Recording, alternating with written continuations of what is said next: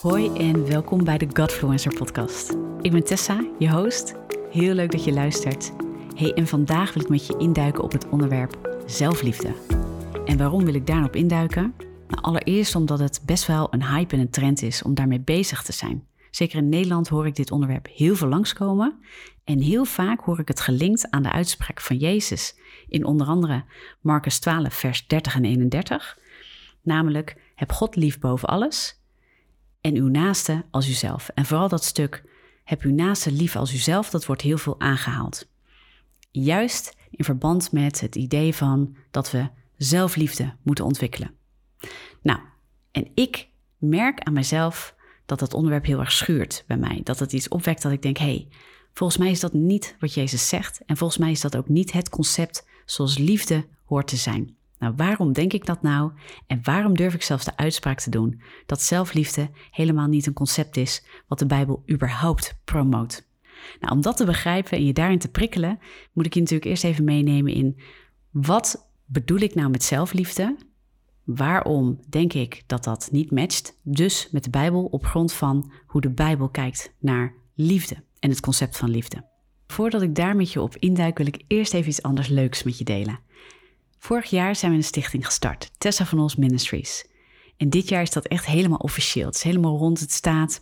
En het is zo gaaf om te zien dat een aantal mensen zich al vorig jaar hebben gemeld als partner. Die toen al zagen van joh, we willen staan met je, met een missie. En die, die vroegen toen al van joh, kan ik niet ergens uh, je financieel ondersteunen of op een andere manier?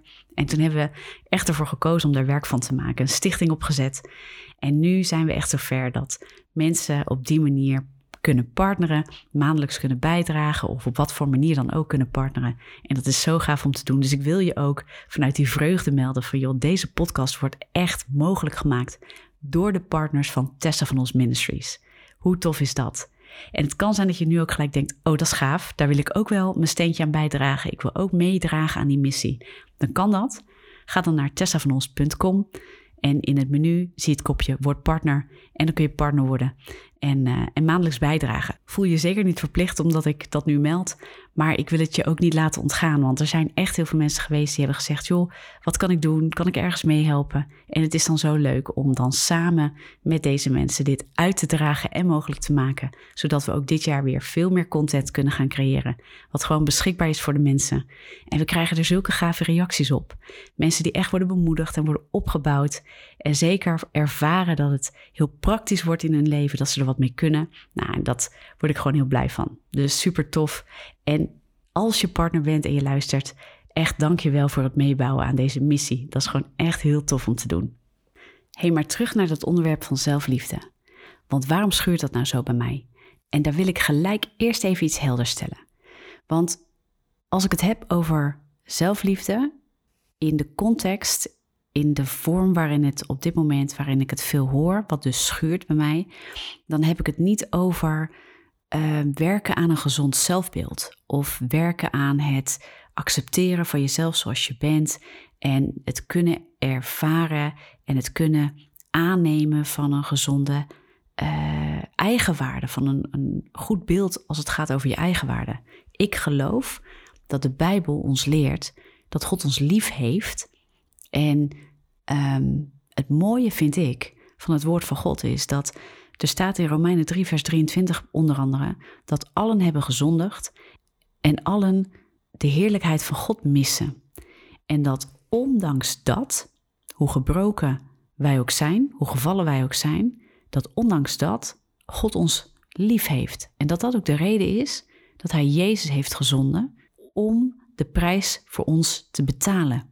Om aan ons die gift van genade en verlossing te schenken. God toont daarin onvoorwaardelijke liefde aan ons. Dat is de hoogste vorm van liefde, agape-liefde. En dit is exact de liefde waarnaar gerefereerd wordt in Marcus 12, vers 30 en 31, waarin Jezus zegt: Heb uw naaste lief als uzelf. Het gebod wat daarboven staat is: Heb God lief boven alles. En in deze tekst wordt gerefereerd naar agape-liefde, Gods liefde. Een onvoorwaardelijke, onzelfzuchtige liefde die kiest om lief te hebben en niks terugverwacht van de ander. En dat wordt in deze tekst van ons gevraagd. Ik geloof om die reden dus niet dat daar staat dat wij eerst onszelf moeten liefhebben, wat vaak veel meer gaat over genegenheid en affectie voor onszelf voelen en daartoe in staat zijn in die mate dat dat ons dan ook in staat zou stellen om van een ander te kunnen houden. Dat zou betekenen, uh, en de Bijbel heeft het ook over dat soort liefde, maar dat is geen agape liefde, dat is philia. En philia is een natuurlijke liefde die wordt beschreven. Uh, broederlijke liefde, genegenheid die we voelen, affectie die we voelen. Die kennen we als mensen allemaal. Uh, maar dat is niet de liefde waar hierin naar gerefereerd wordt. En dat is dus ook niet waar je jezelf mee zou hoeven moeten vullen om in staat te zijn om anderen lief te hebben. Dat het lastiger wordt om genegenheid te ervaren als je zo wordt opgeslokt, bijvoorbeeld door een negatief zelfbeeld. Dan ben je zo met jezelf bezig vaak. Uh, en het vechten met jezelf vooral. Het vechten tegen die gevoelens. Dat het heel lastig wordt om sowieso liefde te ontvangen, om dat te accepteren. Het is dan ook veel lastiger om aan te nemen dat God van jou houdt. En dat maakt natuurlijk het hele idee van liefde in je leven ook lastiger. Kijk, dat snap ik. Maar ik wil je eigenlijk bevrijden van het idee dat het noodzakelijk zou zijn dat jij genegenheid voelt voor jezelf en affectie voelt voor jezelf. Uh, en dat dat noodzakelijk zou zijn om jou in staat te stellen uh, voor andere liefde te ervaren. Weet je, ik heb heel lang gekampt met een negatief zelfbeeld, een behoorlijk negatief zelfbeeld. Maar ik had wel absoluut genegenheid en liefde voor de mensen om mij heen. En natuurlijk, als ik heel diep zat in een enorme strijd met mezelf, was het heel lastig om op zulke momenten te genieten met die mensen of heel erg die liefde te uiten. Maar dat wilde niet zeggen dat ik die mensen niet lief had. En het kan je in een valstrik neerzetten en het deed mij ook pijn als mensen zeiden: ja, maar je kunt dus anderen niet lief hebben omdat je jezelf niet lief hebt. Ik had anderen wel degelijk lief. Het uiten daarvan, het uiten van genegenheid, ja, dat werd natuurlijk lastiger. En ik denk als je luistert en je kampt hiermee, dat je dat ook herkent. Dat als je heel erg opgeslokt wordt door gedachten van haat over jezelf of destructieve gedachten, ja, dan is het heel moeilijk om daaruit te stappen. En ja, liefde te laten vloeien door je leven naar anderen. Natuurlijk. Dus er zit een kern van waarheid in. De Bijbel leert ons ook dat Gods liefde, dat gaat hand in hand met waarheid en dat breekt leugens in je denken af. Zelfhaat of destructieve gedachten, een negatief zelfbeeld, dat is niet zozeer een tekort hebben aan zelfliefde, dus op jezelf gericht zijn en hard werken aan affectie voor jezelf voelen. Dat komt voort uit het feit dat je leugens over jezelf gelooft. En dat je niet kan aannemen dat je een geliefd kind bent, dat je van waarde bent voor God. En het probleem met ons als mensen is dat we vaak gaan zoeken in dat we ergens goed genoeg zijn. En dat kaderen we vaak aan wat we doen en ons gedrag en dus ook aan wat we denken en voelen dat we goed genoeg zijn om liefde te mogen ontvangen. En God doet het precies andersom. Marcus 12, uh, vers 30, 31 en zo staan daar meerdere referenties in waar Jezus dit zegt. Heb God lief boven alles, uw naaste als uzelf.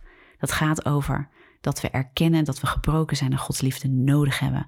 Dat we die gift van verlossing nodig hebben. En dat we die mogen ontvangen en dat we daardoor juist beseffen en kunnen tonen aan anderen dat er liefde is ook voor hen, dat die beschikbaar is ook voor hen. Ongeacht waar zij vandaan komen, ongeacht hun gebrokenheid, ongeacht hun moeites en tekortkomingen. Dat is volgens mij waar dit over gaat. Dus dit gaat niet zozeer over een gezond zelfbeeld bouwen, wat volgens mij inherent is aan de liefde van God, is dat je ook mag weten wat je waarde is. Dat als je daarmee kampt, dat je die leugens mag gaan afbreken, mag vervangen door de waarheid. En Weet je, ik geloof ook dat deze hele zoektocht met deze term zelfliefde, dat heel erg voortkomt uit mensen die zichzelf verliezen in uh, zorg dragen voor anderen en het idee, uh, wat bijvoorbeeld ook in Filippenzen staat, acht de ander hoger dan uzelf. En ook, woorden die Jezus zegt, hè, dat uh, als je voor hem kiest, dat je je eigen ik, dat je jezelf moet verlogenen. Dat heeft er niet mee te maken dat je vervolgens geen eigenwaarde meer hebt, of dat je je eigenwaarde gaat ontkennen, of dat je jezelf helemaal onderuit laat schoffelen. Nergens in de Bijbel zegt Jezus van, oh en by the way, uh, nu is het ook zo dat iedereen je maar gewoon te pas en te onpas mag inzetten zoals zij dat wensen. En dat je maar voor het karretje gespannen moet worden en dat je maar misbruikt mag worden door mensen omdat het hen schikt. Weet je, dat is natuurlijk niet wat Jezus ons leert. Dus dat we ook zoekende zijn in, hey, weet je, hoe toon ik liefde aan anderen? Hoe ja, doe ik eigenlijk wat de Bijbel mij opdraagt. dat ik ook Ehm, mijn leven inzet voor het helpen van anderen, voor het zorgen voor anderen, zonder dat ik mezelf per direct in mijn identiteit en eigenwaarde helemaal verlies. Dat ik helemaal word opgeslokt en onderuit ga, omdat ik niet voldoende voor mezelf zorg, dat ik niet meer naar mezelf kijk op dat level in wat ik net zo goed nodig heb om een gezond leven te leven in de ogen van God. Ja, dan is dat uit balans en dan gaat het onderuit. Dus als ik het over zelfliefde heb, heb ik het niet over dat deel. Het bouwen van een gezonde eigenwaarde met een daaraan gezonde manier van leven, waarin je ook erkent wat God je heeft gegeven. Dat je vanuit dankbaarheid en goede zorg voor je lijf en je ziel leeft. Juist in antwoord op Gods principes, op Gods liefde en op Gods waarheid. Daar heb ik het niet over. Maar de zelfliefde waar ik het echt over heb, dat is een zelfliefde, dat is een, een vorm van liefde die het zelf centraal stelt. Die eigenlijk heel erg praat over een soort zelfverheerlijking. Over het jezelf voorop stellen in je eigen leven. Ehm, jij bent het doel van je eigen leven. En het hogere doel van jouw leven is, nou ja, dat jij jouw leven optimaal hebt geleefd. En dat het heel erg gaat om jouw purpose, hè, jouw bestemming. En dat je daar alles voor moet doen om dat maximaal en optimaal te bereiken, als het ware. En ik geloof dat God een bestemming voor je heeft. God heeft een bestemming met deze wereld. En een ieder is bedoeld. En hij heeft voor een ieder een plan in dat grotere geheel. En dat maakt ook dat je van waarde bent, uiteraard. Maar dat betekent niet dat je jezelf continu centraal zou moeten stellen. Om maar te bereiken wat jij wil bereiken. Om altijd alleen maar jouw verlangens voorop te stellen. En dat is wel iets wat ik heel erg gepromoot zie. Op basis van dezelfde tekst. Heb je naast lief als uzelf waarin we vergeten zijn misschien goed voor onszelf te zorgen, maar wat nu ook heel erg lijkt door te slaan in een boodschap. hey, je moet jezelf voorop stellen. Jij bent de belangrijkste persoon. Jij bent de regisseur van je leven. Het gaat om jouw leven, het gaat om jouw verlangens. Dat moet voorop staan. En daar moet je alles aan kaderen. Daar moet je alles aan afwegen. Als het jou niet dient en jouw doel niet dient en jouw leven niet dient, ja, dan moet je je er eigenlijk niet mee ingeven. En dat schuurt natuurlijk wel aan die Bijbelse boodschap, die ons leert dat God centraal zou moeten staan in ons leven en niet wij zelf. Ja, wat ik dus heb gemerkt is op het moment als je op die manier naar liefde gaat kijken en heel erg een projectie gaat doen naar jezelf, heel erg zelfgericht bezig gaat, dan komt er een enorme prestatiedruk op je te liggen, waarin je gaat merken dat je nou eenmaal niet perfect bent. Geen enkel mens is perfect als alleen Jezus Christus. Hij is liefde, hij is waarheid, hij is de standaard. En Daarom is ook Hij degene die de prijs heeft betaald voor ons. Dat kunnen wij niet. En daar elke dag mee geconfronteerd worden, maakt ook dat je het of aan de ene kant gaat overschreeuwen en jezelf continu gaat vertellen hoe waardevol je bent en dat je het allemaal goed doet en dat je perfect bent zoals je bent. En dan moet je continu aan die standaard van jezelf gaan zitten voldoen. Om te mogen voldoen aan dat tweede deel, heb je naaste lief als jezelf. En dan kom je ook in een soort fuik, in een valstrik terecht, waarbij je eigenlijk gaat aanlopen tegen je eigen imperfectie en ten diepste gaat voelen, ja, maar ik voldoe daar nooit aan. Ik voldoe niet aan die perfectie. En dat is geloof ik waarom God ons leert dat we ons moeten richten op Hem en op Zijn definitie van liefde voor ons. En dat het een keuze is om God lief te hebben en dat het ook een keuze is om Zijn liefde te accepteren voor ons.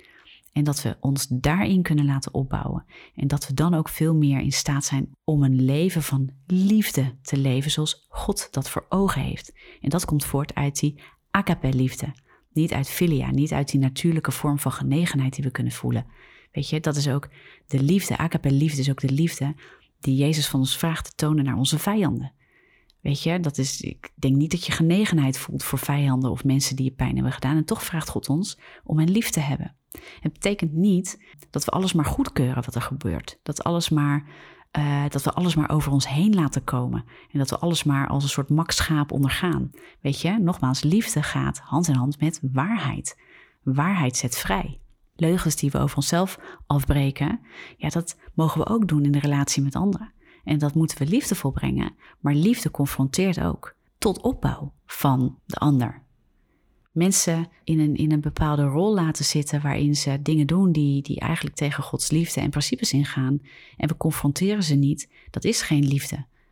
Dus het is ook een balans vinden. En, maar daarom sta ik wel tegen deze vorm van zelfliefde op. Omdat ik geloof dat het heel erg zelfgericht is. Dat het je juist weghoudt van wat God voor ons heeft. En dat we juist in verbinding moeten komen met elkaar. Dat we juist die liefde naar elkaar moeten tonen. Die gratie naar elkaar moeten tonen. Op basis van het diepe weten dat wij juist niet perfect zijn. Dat we juist misschien in die zin niet goed genoeg zijn. Maar dat God ons dat wel waard vindt om ons lief te hebben. Dus we zijn niet goed genoeg uit onze eigen werken. Wij verdienen niet eigenhandig het ticket naar de hemel omdat wij het zo goed hebben gedaan. Nee, dat is een gift van God aan ons door Jezus. Maar daarin wil Hij tegelijkertijd ook laten zien: je bent het me waard. En ga nou eens vanuit die waarde leven. Ik heb je lief. En die liefde, die is gewoon vrij toegankelijk voor jou. En ik wil dat je juist je leven daarin opbouwt, je identiteit daarin opbouwt. Maar dat dat dus een andere vorm van liefde is dan de zelfliefde die wordt gepredikt die veel meer zit in die genegenheid en jezelf voorop stellen. En heel erg bezig zijn met jouw leven. Daarin ben jij de hoofdpersonage en daarin draait alles om jou. Dat is dus niet een Bijbels concept. En dus niet een manier om het liefde te bouwen in je leven. Dat is juist iets wat je in een valstrik trekt. Dat is wat ik geloof. Nou, weet je, ik hoop dat dit je opbouwt. Ik hoop dat het je juist laat zien dat bij God er zoveel mogelijk is. Het gaat over met je eigen waarde werken en bouwen aan een gezond zelfbeeld en dat soort dingen.